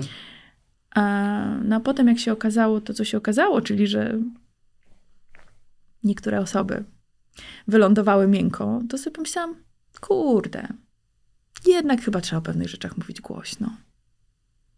Takie, wiesz, poczucie odpowiedzialności społecznej mi się, wiesz, odezwało. Tej dziewczynki z Batorego, co to chciała iść do tego samego liceum, co ale Krudy i Zośka. Po, po ciebie, ciekawił mnie ten wpis, powiedziałeś, że nikt w Dzień Dobry TVN nie ma etatu czy umowę o pracę, wszyscy są na umowach o dzieło albo na działalności gospodarczej. Reporterzy nigdy nie wiedzą, ile dostaną pieniędzy, bo materiały ich są wyceniane za każdym razem od dołu. Po zrobieniu materiału producencka czy wydawca decyduje, ile zdanie, jego zdaniem reporter się napracował, ile warty jest ten materiał. Mhm. Pomyślcie, co dzieje się, jak szefowa kogoś nie lubi, nie pracujesz, bo jesteś chory, to możesz zarobić 0 złotych. Moja koleżanka, która pracowała na wizji, nie wymienię jej nazwiska, bo może sobie tego nie życzyć, dostała 500 złotych za miesiąc, w którym wylądowała w szpitalu z zapaścią. Odeszła po cichu, nie powiedziała dlaczego. To była prezenterka pogody? Nie. Nie, ale też występowała na wizji. A ty ile dostawałaś wynagrodzenia za swoją pracę? Pod koniec mhm. 10 tysięcy. Ale to dlatego, że wiesz ile zarabiałam w pandemii? 3 tysiące miesięcznie, nie? Bo nigdy, bo byliśmy na wycenach. Nie, nie byliśmy na, wiesz, na, na pensjach, byliśmy mhm. na wycenach. No w pandemii spadło wszystko robiłam jakieś tam wejścia raz w tygodniu, no i y, dobrze liczę? Czy dwa, cztery, no jakoś coś koło trzech tysięcy mhm. przez rok. I, I to był taki moment, kiedy ja pierwszy raz chciałam odejść, bo sobie pomyślałam, mówię, nie dość, że nie dość, że dostaję non-stop zjebkę, nie dość, że cały czas generalnie ktoś się próbuje mnie pozbyć różnymi sposobami, to jeszcze zarabiam tu trzy tysiące. To chyba nie ma sensu. No, tak, to była moja, moja pierwsza próba odejścia i sobie pomyślałam, że po prostu szkoda życia, nie? Już byłam wtedy mhm. mocno w pracy nad sobą. No ale wtedy powiedziałam, że odchodzę, no to dostałam, dostałam stałą pensję wtedy, te 10 mhm. tysięcy, no i obietnicę, że dostanę jakąś fajną rzecz, super program, a potem Edward Miszczak odszedł z y, TVN-u i... Tyle z obietnic. No i tyle. I się... zabrał jedną panią.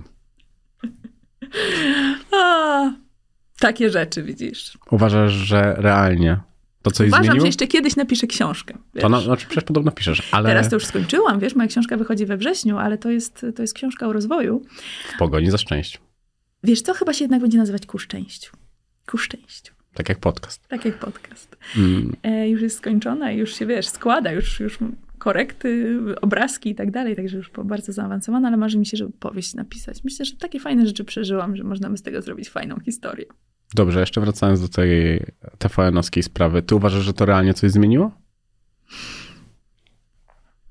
No, to jest trudne pytanie. Na pewno zmieniło coś realnie w moim życiu. Na plus. Mhm. Na plus, bo wiesz, ja czuję tak nieprawdopodobną wolność. Wolność dzięki temu, że stanęłam w swojej prawdzie i powiedziałam coś, co wiesz, to, to, to, to ta moja walka to znowu, to ciągle, ciągle są te nawiązania do dzieciństwa. To jest ta moja walka z tym toksycznym wstydem. Mhm. Żeby powiedzieć głośno o czymś, co tak naprawdę jest krzywdą dla mnie, ale ja to ukrywam, bo mi się wydaje, że, mm, że zostanę ja oceniona, że będzie, wiesz, podwójna wi- wiktymalizacja, mhm. czy jak to mhm. się tam mówi, ofiary, co zresztą też w pewnym stopniu nastąpiło. Ale, ale takie moje poczucie, że nie mogę mówić o rzeczach, które mnie się dzie- dzieją złe, bo, bo to trzeba ukrywać. I to był dla mnie ważny krok, mhm. więc dla mnie na pewno to dużo zmieniło. Czy realnie zmieniło dla tych konkretnych osób? No jak sam wiesz, nie.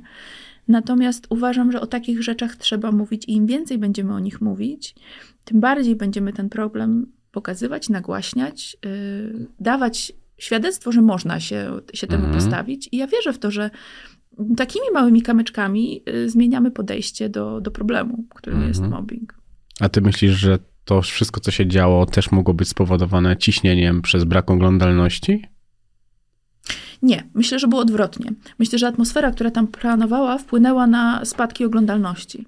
Dlatego, że ja pamiętam jeszcze czasy z, za innych producentów i po prostu była inna atmosfera pracy to, to podejście i to, jak, w jaki sposób zarządzano zespołem, bardzo mocno wpływało na to, jak wygląda program. Y, jak wiesz, ja wierzę też w takie energetyczne rzeczy. Jak jest mhm. dobra atmosfera, to produkt jest stworzony z serca. Produkt, jakim w tej, w tej sytuacji jest program, jest stworzony z serca. A jeżeli wszyscy są dojechani i czekają tylko, aż ktoś im pojedzie po pensję albo ich ochrzani, no to siłą rzeczy robią wszystko na kolanie. I tak, mhm. tak, wiesz, no, Ale krążyła masa plotek, że TVN zaproponował ci pieniądze za milczenie. To prawda? To nieprawda. No, myślę, że nawet gdyby była, to i tak byś skłamała, ale zawsze warto, e, zawsze warto Jak widzisz, nie milczę, więc Tutaj mam akurat kilka wątpliwości. A jak to się stało, że masz prawa do rozmów, które publikujesz? to są rozmowy, które są mm, rejestrowane przez dystrybutorów. To Mhm. znaczy na, na, przez ekipy, na kamerach i y, na kartach, y, na nośnikach zapewnionych przez dystrybutora, więc w zasadzie TVN nie ma do tych materiałów żadnych praw. To ciekawe. Mhm. Wybaczyłaś wszystkim, którzy traktowali cię w ten sposób? Ja w ogóle nie, nie, nie jestem osobą, która uważam, że konsekwencje to jest ważny element e, procesu. Oskarżenie kogoś takie wewnętrzne, przeżycie żalu Mhm. jest ważnym elementem procesu. W sensie nie można wybaczyć, kiedy się nie przeżyje żalu i najpierw nie określi swojej krzywdy, ale uważam, że wybaczenie jest takim nieodłącznym elementem. Nie da się iść do przodu w dobrej energii, jeśli się pielęgnuje w sobie urazę. Bo brak wybaczenia i takie pretensje wiążą głównie nas, no nie tą osobę, Mhm. do której mamy pretensje. Więc ja tak, ja puszczam wszystko. Ja uważam, że wiesz, wszyst- wszystkie sytuacje, wszyscy ludzie się pojawiają w naszym życiu z jakiegoś powodu i służą jakiemuś wyższemu celowi. I wiesz, no jak ja miałabym nie wybaczać i mieć do kogokolwiek pretensje, jak ja naprawdę jestem w fajnym momencie mojego życia, to po co mi to jest, wiesz, żeby się wiązać jakimiś tam żalami. Mhm. Ja sobie żale przeżywam, wiesz, sama ze sobą, bo uważam, że w ogóle przeżywanie emocji to jest niezwykle istotny element mm, życia. I Mhm. w momencie, kiedy nie przeżywamy emocji, nie, nie, nie dajemy im ujścia, zaprzeczamy tego, że coś się w nas dzieje, to, no to rodzi się ta czarna dziura, którą potem próbujemy przykrywać właśnie różnymi nałogami, różnymi kompulsywnymi, kompulsywnymi zachowaniami.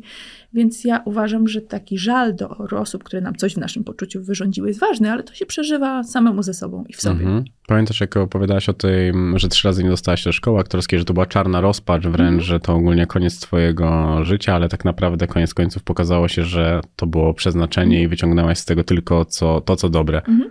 Myślisz, że w tej sytuacji może być dokładnie tak samo? Ale myślę, że już tak jest. Dla mnie, nie? Bo ja, Mhm. ja czuję, że wygrałam życie.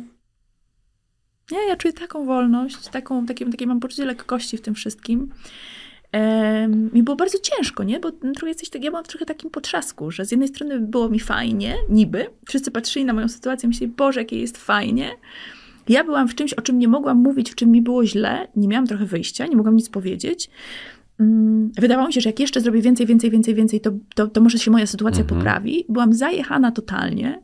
Wiesz, ja przy mojej pierwszej córce bardzo dużo, jak ona była maleńka, wyjeżdżałam, bo mi się wydawało, że po prostu muszę. Ja się jeszcze trochę wykażę, to oni wreszcie mnie docenią.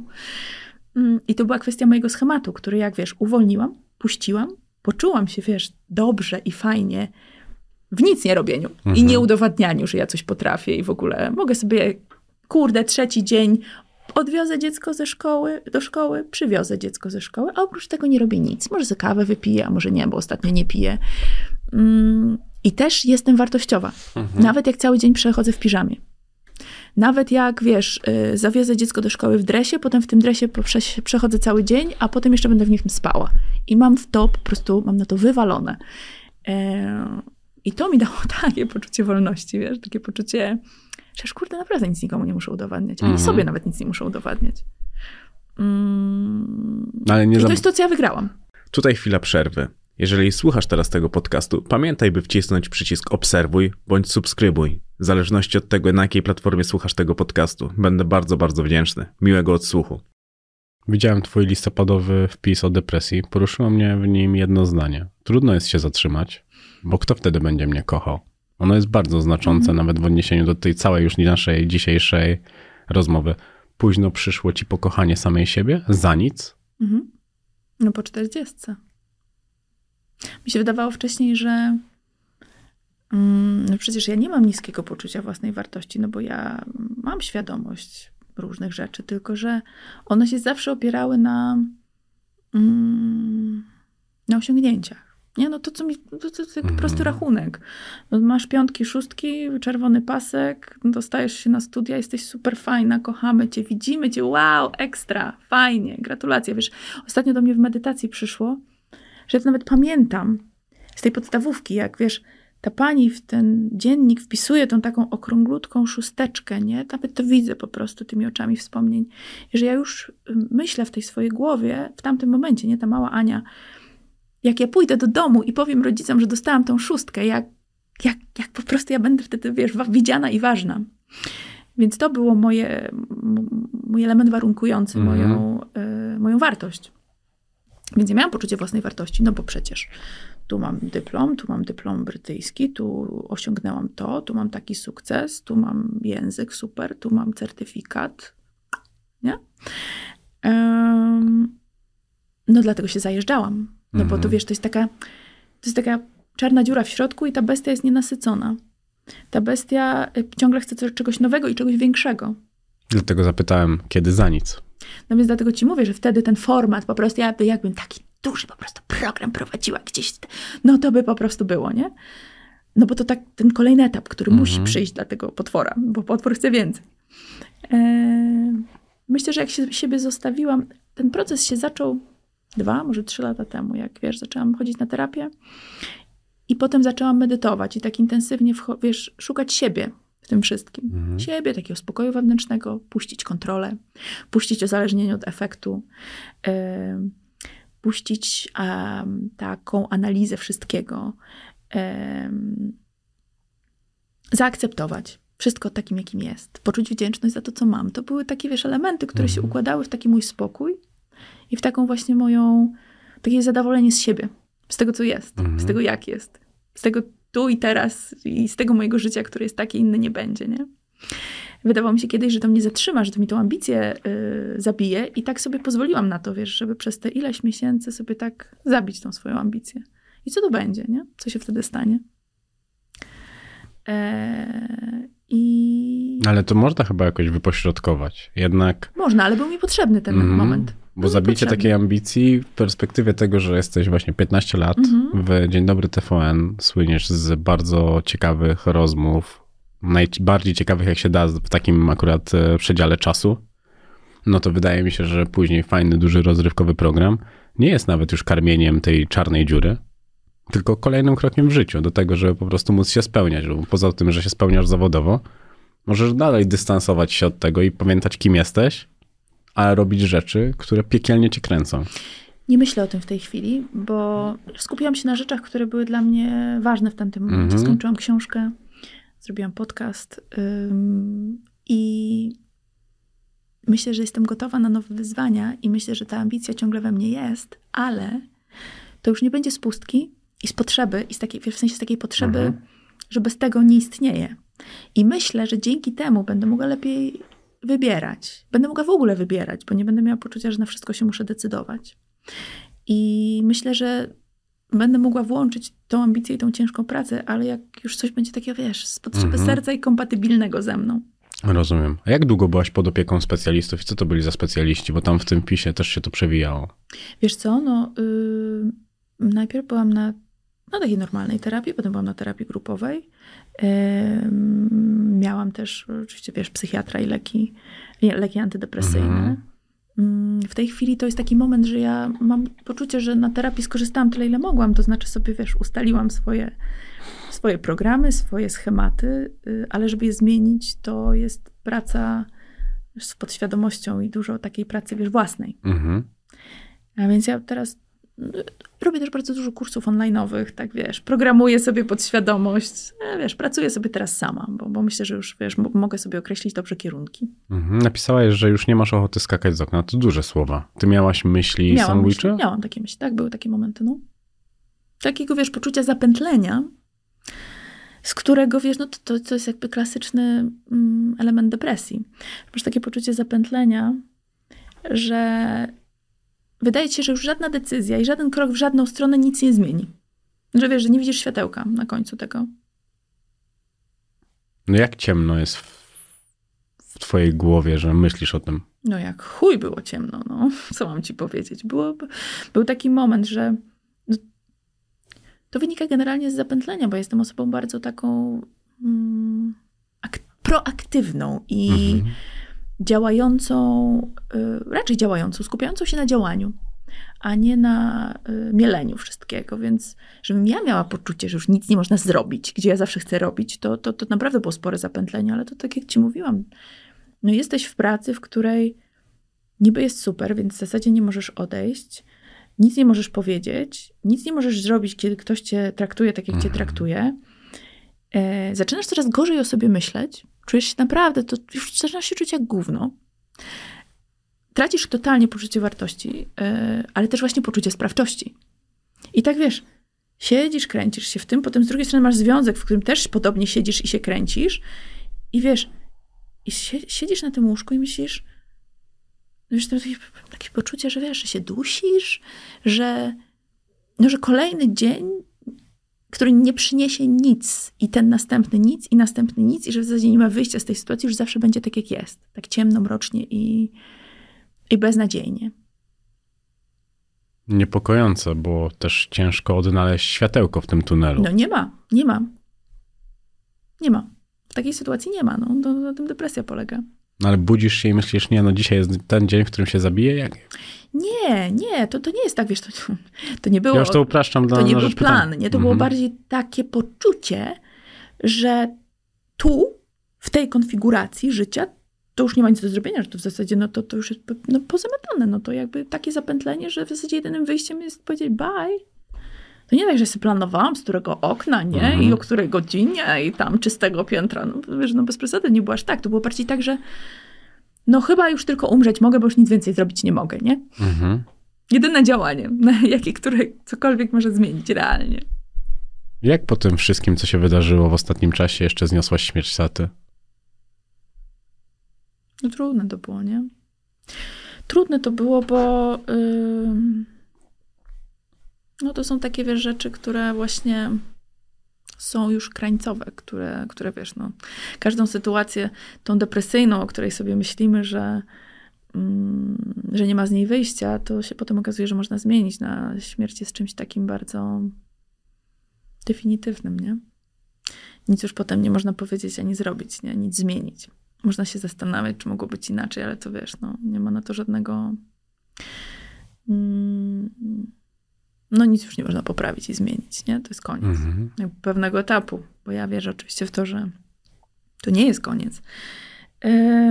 No taki miałam w ogóle dosyć długi okres takich sytuacji, gdzie już mi się wydawało, że już się wszystko układa, wychodzę na prostą, czy też że najtrudniejsze Mhm. mam ze sobą, a tu jeszcze wiesz, jeszcze jedna cegiełka. No Do właśnie tego, do, do no, tego to- nawiązywałem, że to, To się... tak trochę było.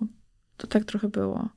Tej całej sytuacji, wiesz, mm, trochę pomogło mi to, że mm, mieliśmy z tatą te ostatnie 2-3 lata takie trudniejsze, gdzie dogadywaliśmy się i dogadaliśmy się, natomiast nie byliśmy już w takim mocnym emocjonalnym splątaniu, w jakim byliśmy Mhm. wcześniej, gdzie ja 10 razy dziennie do niego dzwoniłam. Trochę takie mam poczucie, że ten proces naszego żegnania się ze sobą się rozciągnął na te 2-3 lata. Więc było to o tyle łatwiejsze, że no, że nie byliśmy tak hermetycznie ze sobą powiązani w tym ostatnim okresie. Mm, trudne to są Mhm. rzeczy. No, trudne, co mam ci powiedzieć. Ale rozkłada ciebie to w ten sposób, że kładziesz się i płaczesz? Ja wypłakałam już, wypłakałam, wyżaliłam. Mm. Bardziej tak, że wiesz, nie wiem, takie, tak mi się mieszają te etapy żałoby, bo czasami to tak do mnie nie dociera, że Mhm. wiesz, że jak to? Że go już nie masz, to już cztery miesiące minęły. Wiesz, ostatnio minęły cztery miesiące, sobie zdałam sprawę, że to jest tak dla mnie nie... Już tak nie mogę tego pojąć, że wiesz, że ktoś, kto zawsze był, go nagle, nagle nie ma, nie? Mhm. No sześć dni po odejściu taty prowadzisz Sylwestra w Sopocie w klubie jazzowym. Jaki to był wieczór? Trudne. Bardzo trudne, no. I ty potrafisz wyizolować emocje na tyle, żeby dać sobie radę z tym? Wiesz co, sobie pomyślałam, że mm, tata zawsze był taką osobą, która uważała, że trzeba zobowiązań do, dopełniać. I wiesz co, mi zawsze, to, to mi generalnie w ogóle pomaga, że ja sobie myślę, co on by zrobił, co on by powiedział teraz, nie? Mhm. Jak, o co on by mi doradził? Bo on był taką osobą, którą ja się, chociaż najczęściej mówił, ja ci radzę, zrób jak uważasz. Ale, ale był taką osobą, której się radziłam i której zdanie miało dla mnie znaczenie. Mm, też sobie myślę w takich sytuacjach, jak nie wiem, co zrobić, to sobie myślę, co on by zrobił. I wiesz, i to była taka sytuacja, że umowa podpisana, pieniądze zapłacone. Mhm. I trochę pomyślałam sobie, że, mm, że z jednej strony to będzie bardziej moje takie, wiesz, oddanie mu jakiegoś um, hołdu. Mhm. Bo jeszcze rocznica ślubu moich rodziców. Tak, tak. E, bo tak sobie myślę, że na 100% by mi powiedział, żebym poprowadziła. I wiesz, i to mi tak pomaga, że sobie myślę, wiesz, on był taką osobą niezwykle mm, tak wiesz, sarkastyczno, oswajającą każdy temat w sposób taki, kompletnie nie był taki, wiesz, zadęty i, mm -hmm. jakby nadęty w takich klimatach. Absolutnie nie chciał w ogóle, wiesz, na przykład y, pogrzebu yy, kościelnego. I ze swoją siostrą yy, rozmawiał tuż przed śmiercią, już z nas nie podejrzewał, że odejdzie. I powiedział, nie, no teraz to bez sensu umierać, skąd wy, y, kwiaty są drogie o tej porze roku. W razie czego na, nazrywajcie polnych, nie przeszkadza mi to, wiesz, to, to jakby był ten poziom rozmowy. Mhm. Nie, że tam nie było takich, wiesz, tam nie było, u mnie w domu i u mojego taty nie było świętości tego rodzaju, że u, nie wypada, albo u, co ktoś sobie pomyśli, nie, to jakby... A ten chłopak miał być Bóg honor ojczyzny. No wiesz, z lekką, z lekką tutaj, z lekkim skrzywieniem. Widzisz, zawsze wszystko u mnie z tym twistem, nie? Że niby, mhm. niby, ale jednak trochę szaleństwa tam musi być. No dobra, ale znowu z plotek krążyła w internecie taka informacja, że kazano tobie zwrócić środki za tego Sylwestra, bo przyjechałaś na niego z córkami. O Jezus Maria. To prawda. Nie, no nie do końca tak było. To widzisz zawsze z plotką coś tam. Nie, no, ale tak, no był problem pewien z tym, że dzieci były ze mną, tak, tak, no. Tyle mogę powiedzieć. Czekaj, ale, ale, jaki jest problem, jak przyjeżdżają z tobą dzieci? No widzisz, niektórym to widać przeszkadza. Ale miałeś więcej chyba takich problemów. Jakich? No, że przyjeżdżają z tobą córki. No, przyjeżdżają ze mną bardzo często, no. W pracy też czasami to był problem, że do studia przyjeżdżają, ale wiesz, no taką mam sytuację, jaką mam. Mhm. Często przyjeżdżają też ze mną, wiesz, na spotkania różnego rodzaju. Mało brakowało, że jedna byłaby tu dzisiaj, więc wiesz, no no tak mam, no tak funkcjonuję. Mam dwójkę dzieci, jestem z nimi sama i muszę sobie jakoś radzić. Mhm. No a jeszcze wracając do depresji, po czym się poznaje, że wychodzisz z niej? Że ci się chce żyć, nie? Że, że ci się chce w ogóle, Ale że to się, chce. To jest tak? Że Czy... ci chce chcieć. Nie, to jest proces, nie? To mhm. jest proces. I pamiętasz taki pierwszy dzień? Bo to jest taki dzień chyba nowego życia. W perspektywie tego, że jesteś w takiej czarnej dziurze i nagle patrzysz, że ej, chyba tu faktycznie coś przebija. Mm, a wiesz co, nie, to chyba nie było tak, że to był dzień. E, u mnie to był taki proces, że było trochę lepiej, potem znowu mhm. było gorzej. Ja też cały czas pracowałam nad różnymi rzeczami, więc różne rzeczy nie wyłaziły na powierzchni, mhm. różne emocje, które trzeba było przeżyć, więc to nie do końca potem już wiedziałam, czy to jest czy to są jeszcze objawy jakiejś depresji, czy to po prostu te emocje, które y, przychodzą znowu, się jakąś falą wylewają, że muszę je przeżyć przez chwilę, czasem parę godzin, czasem parę mhm. dni. Y, ale mniej więcej. Wiesz, no to, to było trochę tak, że było mi lepiej. Potem tata zmarł mhm. i to wiesz, mhm. znowu otworzyło pewne, pewne rany, chociaż wiesz, ja tak mocno wierzę w to, że, mm, że my jesteśmy połączeni, że wszystko jest energią, że ja wiesz, no ja nie, nie wierzę w śmierć tak do mhm. końca, nie? W sensie jest to koniec jakiegoś etapu naszego tutaj na Ziemi, część naszego doświadczenia, ale wiesz, no ja wierzę w to, że tam energetycznie tata się ze mną łączy, więc to wiesz, to też jest łatwiej trochę, mam wrażenie. Y, ale wracając do tego, mhm. o co mhm. zapytałeś. Mm, takie ostatnie dwa miesiące yy, mam wrażenie, że coś takiego, to nawet nie o to chodzi, że wyszłam z depresji, bo to już się wcześniej zadziało, ale ostatnich parę miesięcy, dwa, może trzy mam takie, że po prostu mi się lekko żyje. Że mi jest dobrze. No, mhm. Jest mi dobrze w swoim życiu. I przechodząc do tego, co tygrysy lubią najbardziej, to twoje związki. Hmm. Który związek miał największy potencjał na przetrwanie? Miałam taki pierwszy związek, jak miałam lat 21. Miałam cudownego partnera, który, z którym mieliśmy podobne bardzo priorytety, podobne wartości, mhm. podobne spojrzenie na, y, na rzeczywistość. Mieliśmy fajny taki, no, taki ciepły, pozytywny, bardzo wspierający, mm, taki też inspirujący związek, y, który się głównie skończył dlatego, że on wyjechał do Londynu, gdzieś nam się drogi rozjechały. Mhm. Mm, ale rozjechały się jeszcze w, w momencie, kiedy wszystko było super. W sensie nie zdążyliśmy się jakoś tam, wiesz, może by, może by to zresztą nie nastąpiło, ale nie mieliśmy żadnych negatywnych wspomnień ze sobą, więc został mi ten związek w pamięci bardzo, bardzo pozytywny. Nigdy nie myślałaś, żeby wrócić? Napisać? Życie się nam poukładało tak, że wiesz, każdy co innego co, in, co innego wypełnia naszą codzienność, powiedzmy. Mhm. Jakie masz grzechy w związkach? Powielałaś te same błędy? No bo patrząc nawet na strukturę twojego życia Powielałam. i tego właśnie, jak mówisz o tym dzieciństwie i później o sytuacjach związanych z nim, to wydaje mi się, że w, w związkach też musiałaś popełniać te same błędy. Ale wiesz co, to, to było tak, tak trochę, że ja popełniłam błąd w momencie wyboru. I to był mój błąd, bo osoba taka jak ja, która z nieprzerobionym tym tematem, takiego poczucia odrzucenia i niedokochania, instynktownie wybierze osobę, która, co do której jest największe prawdopodobieństwo, że ją odrzuci, porzuci czy odepchnie, i próbuje przekonać tą osobę, żeby tego nie robiła. Mhm. To jest trochę taka, taka pokrętna chęć do pisania innego zakończenia do tej bajki z dzieciństwa, tak jakby się dało odczarować tę przeszłość. To jest takie pod, podświadome, natomiast dosyć typowe yy, yy, działanie. I ja po prostu wybierałam mm, takich nie, niedostępnych emocjonalnie partnerów. Czy jakby kogoś takiego, kto albo miał w ogóle problem z relacjami, albo miał problem z bliskością, tak naprawdę nie chciał być w Mhm. związku. I wtedy ja zaczynałam, Boże, ja po prostu zrobię wszystko. No, no wszystko, żeby było cudownie, wspaniale, żeby on mnie kochał, będę po prostu najlepszą wersją partnerki, kobiety. Mm, No tylko się nie da, po prostu z tą osobą się nie da.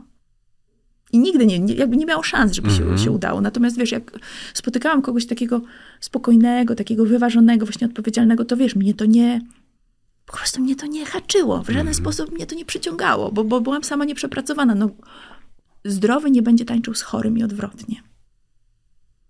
Czyli ja, wiesz, byłam w tym swoim braku, w tym niedokochaniu i chciałam mieć kogoś, kto mnie dokocha, ale najlepiej takiego, co to mm, ma z tym problem, Mhm. żeby musiała na, na to popracować. Nie? Na, to, na, to, na tę miłość to trzeba pracować. No to ja takiego Mhm. bym chciała znaleźć, żeby mogła e, wykonać swój, dokonać swojego schematu, nie? który mam. Więc to, to, to w ogóle było skazane na, na niepowodzenie od samego początku. To pytanie wydaje mi się całkiem oczywiste, ale jak byłaś zdradzana i to w ciąży, i kiedy miałaś maleńkie dziecko, jak duże ślady to zostawia w głowie? Mm. Wiesz co? Tak szczerze, to nie wiem, czy zostawia, dlatego że mm, ja tego programu akurat nie mam. Ja byłam tak zaskoczona. Mnie nikt nigdy wcześniej nie zdradzał. Ja nie mam jakichś traum z tym związanych Mhm. i w ogóle mi się to w głowie nie, jakby ja w, w ogóle bardzo długo nie chciałam w to uwierzyć, mimo że mi ludzie mówili, pokazywali dowody. Ja mówię, nie, no niemożliwe, nie, nie, no niemożliwe. Więc no jest to przykre, jest to bardzo przykre, powiem ci szczerze.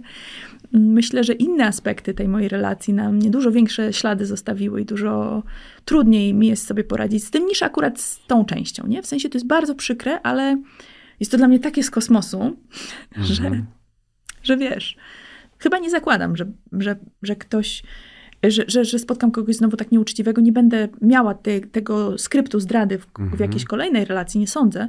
Myślę, że bardziej, yy, no znowu tego mojego tematu, czyli czy jestem ważna, czy jestem wartościowa, czy ta osoba mnie traktuje jako priorytet, Mhm. czy wszystko inne jest dużo ważniejsze. Nie to są bardziej moje tematy. Każdy ma swoje. A jak dzisiaj sobie wyobrażasz związek? Była ostatnio u mnie Olga Frycz i opowiadała o tym na przykład, że jej wizja też się zmieniła, że ona sobie wyobraża mieszkanie na dwa domy chociażby. Wiesz co, ja powiem ci tak.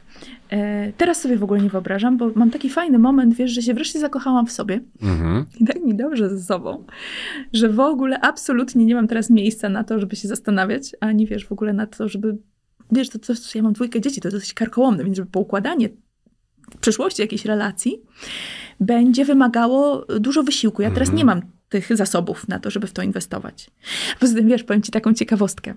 Ponieważ ja całe swoje życie szukałam kogoś, kto mnie ukocha, dokocha, mm, ja z takiego z setupu, z takiego, wiesz, takim defaultowym wychodziłam założeniem, że po prostu gdzie tu jest teraz ktoś, kto mi da tę miłość, której nie Mhm. dostałam. I wiesz, ja na tej zasadzie szukałam partnera. A teraz, jak już tego nie potrzebuję, nie mam tego głodu, to ja w ogóle nie wiem, co będzie mnie driveowało do tego, co mnie będzie ciągnęło do tego, żeby kogoś poznać. W sensie, na razie w ogóle tego nie, nie czuję, nie? żeby to miało nastąpić. Nie wiem, czy rozumiesz, o co Mhm. mi Rozumiem, chodzi. rozumiem, jak jakby- najbardziej. Ale związki, wszystkie związki mają termin ważności, czy wierzysz w miłość do końca życia? Wierzę, oczywiście, że wierzę. Ja wierzę we wszystko. Ja uważam, że wszystko jest możliwe przy odpowiednich, przy odpowiednich em, parametrach.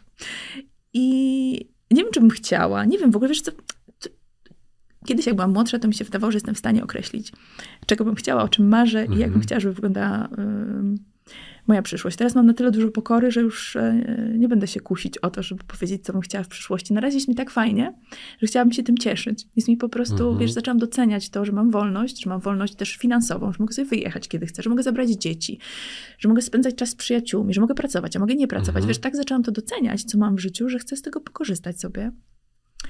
E, I inną sprawą jest też to, że bardzo mocno się nauczyłam mm, fajności w bycia ze sobą, e, fajnego spędzania czasu ze sobą i takiego za- zagospodarowania swojej własnej przestrzeni. Więc myślę, że jeżeli Mhm. wejdę w związek kiedyś, to też już inaczej, mniej hermetycznie niż uważałam, że związek powinien wyglądać. Bardziej właśnie tak, ja mam swoje, ty masz swoje, ja jestem pełny, pełna, ty jesteś pełny. I te dwie całości, Mhm. nie połówki, się spotykają po to, żeby jakąś część wspólną stworzyć, żeby mieć taką wartość dodaną, żeby ta, ta relacja była wartością, to wspólne, co tworzymy, było wartością dodaną, a nie, że ja jestem, mój zbiornik miłości jest do połowy pusty, twój jest do połowy pusty i nam się wydaje, że, że je sobie zapełnimy Mhm. nawzajem. To tak nie działa. No nie, ale do tego trzeba, potrzeba dużej i to dużej świadomości. Dużej dojrzałości i moim zdaniem nie da się tego przejść i do tego dojść bez kryzysu. Bo ten kryzys nas wybija z naszych mechanizmów obronnych i my, znaczy przynajmniej u mnie tak było. Ja miałam tak super stworzone mechanizmy obronne, że sobie mogłam w, ty, w tym swoim świeci, świeciku, w tym Mhm. swoim żyćku funkcjonować i jakoś by to było. I dopiero jak taki, taki mocny, mocne trzęsienie ziemi, które mi zawaliło wszystko i po prostu jakby... Ja musiałam sobie zredefiniować wszystko w moim życiu. I dzięki temu, i tak już byłam w bólu. To już mnie to za dużo więcej nie kosztowało, żeby mówię, dobra, Mhm. trudno. Sięgnę do tej piwniczki, zobaczę, co tam za truposze się ukrywają. Pozwoliłam sobie, wiesz, na przeżycie tego żalu, tego bólu, który był we mnie i tak zaczęłam w ogóle bez tego balastu, zaczęłam inaczej budować w ogóle swoją, swoją wizję rzeczywistości. Tak mi A- wiesz, fajnie, lekko z tym. Złamałaś kiedyś komuś serce? Skrzywdziłaś kogoś w związku? Bardzo wiele razy, tak. I jak to wygląda? Jak krzywdzisz? Wiesz co, no ja po prostu byłam kiedyś taka właśnie chcę, nie chcę, a może jednak nie. Nie, chyba jednak nie. Taka po prostu. Ja wiesz, nigdy nie byłam sobą taką nieuczciwą, wiesz, jakoś robiącą rzeczy bardzo takie wyrachowane, bo, Mhm. bo ja nie mam w sobie takiego manipulatora, ja to wszystko wszystkim mówię prosto z mostu. Mm, ale właśnie mam tak, że tak, tak, super. Nie, jednak nie. No, takie moje, no taka byłam kiedyś. A długo taka byłaś? Mm, nie, nie, myślę, że to tak sprzed dzieci, nie? Sprzed Mhm. 10 lat, no tak. Przed 30. Piękny czas. No tak sobie, tak się usprawiedliwiam, że to jeszcze czas na takie, wiesz, głupoty. A zdradziłaś kiedyś kogoś? Tak. Naprawdę? Mhm. Miałaś duże wyrzuty? Ale zdra- zdradziłam i odchodziłam, nie? To nie tak, że... Ko- Z konsekwencją chociaż. Tak, tak, tak, to no, jak najbardziej, nie? A jakiej przyszłości marzysz dla swoich córek? Tak, jaką będą chciały. Chciałabym, żeby były szczęśliwe. Wiesz, Mhm. codziennie rano je uczę, że wiesz, że szczęście to wybór.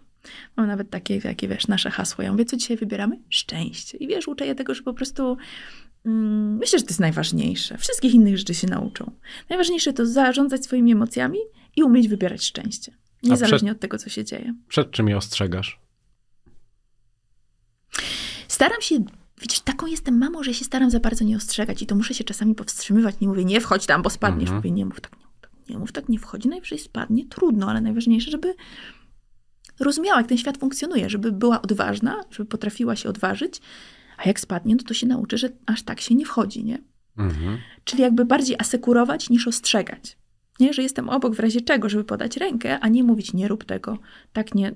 My staram się uczyć tego, że ludzie są różni i żeby sobie za bardzo nie brały do siebie tego, że ktoś jest niemiły albo Mhm. próbuje krzywdzić w jakiś sposób, mówiąc rzeczy no takie wiesz, no przykre czy krzywdzące, żeby się, żeby zrozumiały to, że to nie są o nich, nie? Że ludzie są różni i jakby mają swoje uwarunkowania, czasami nie mają fajnie w domach, że przyno- wynoszą z tych Mhm. domów wiesz, jakieś rzeczy niefajne i to, to, to potem się rozlewa dalej. Ale żeby wiedziały, że to nie o nich, nie? Mhm. Duża droga za tobą, nawet to da się usłyszeć w tej rozmowie, porównując ją nawet e, tą, na, przed tą naszą ostatnią, która była z 18 miesięcy temu.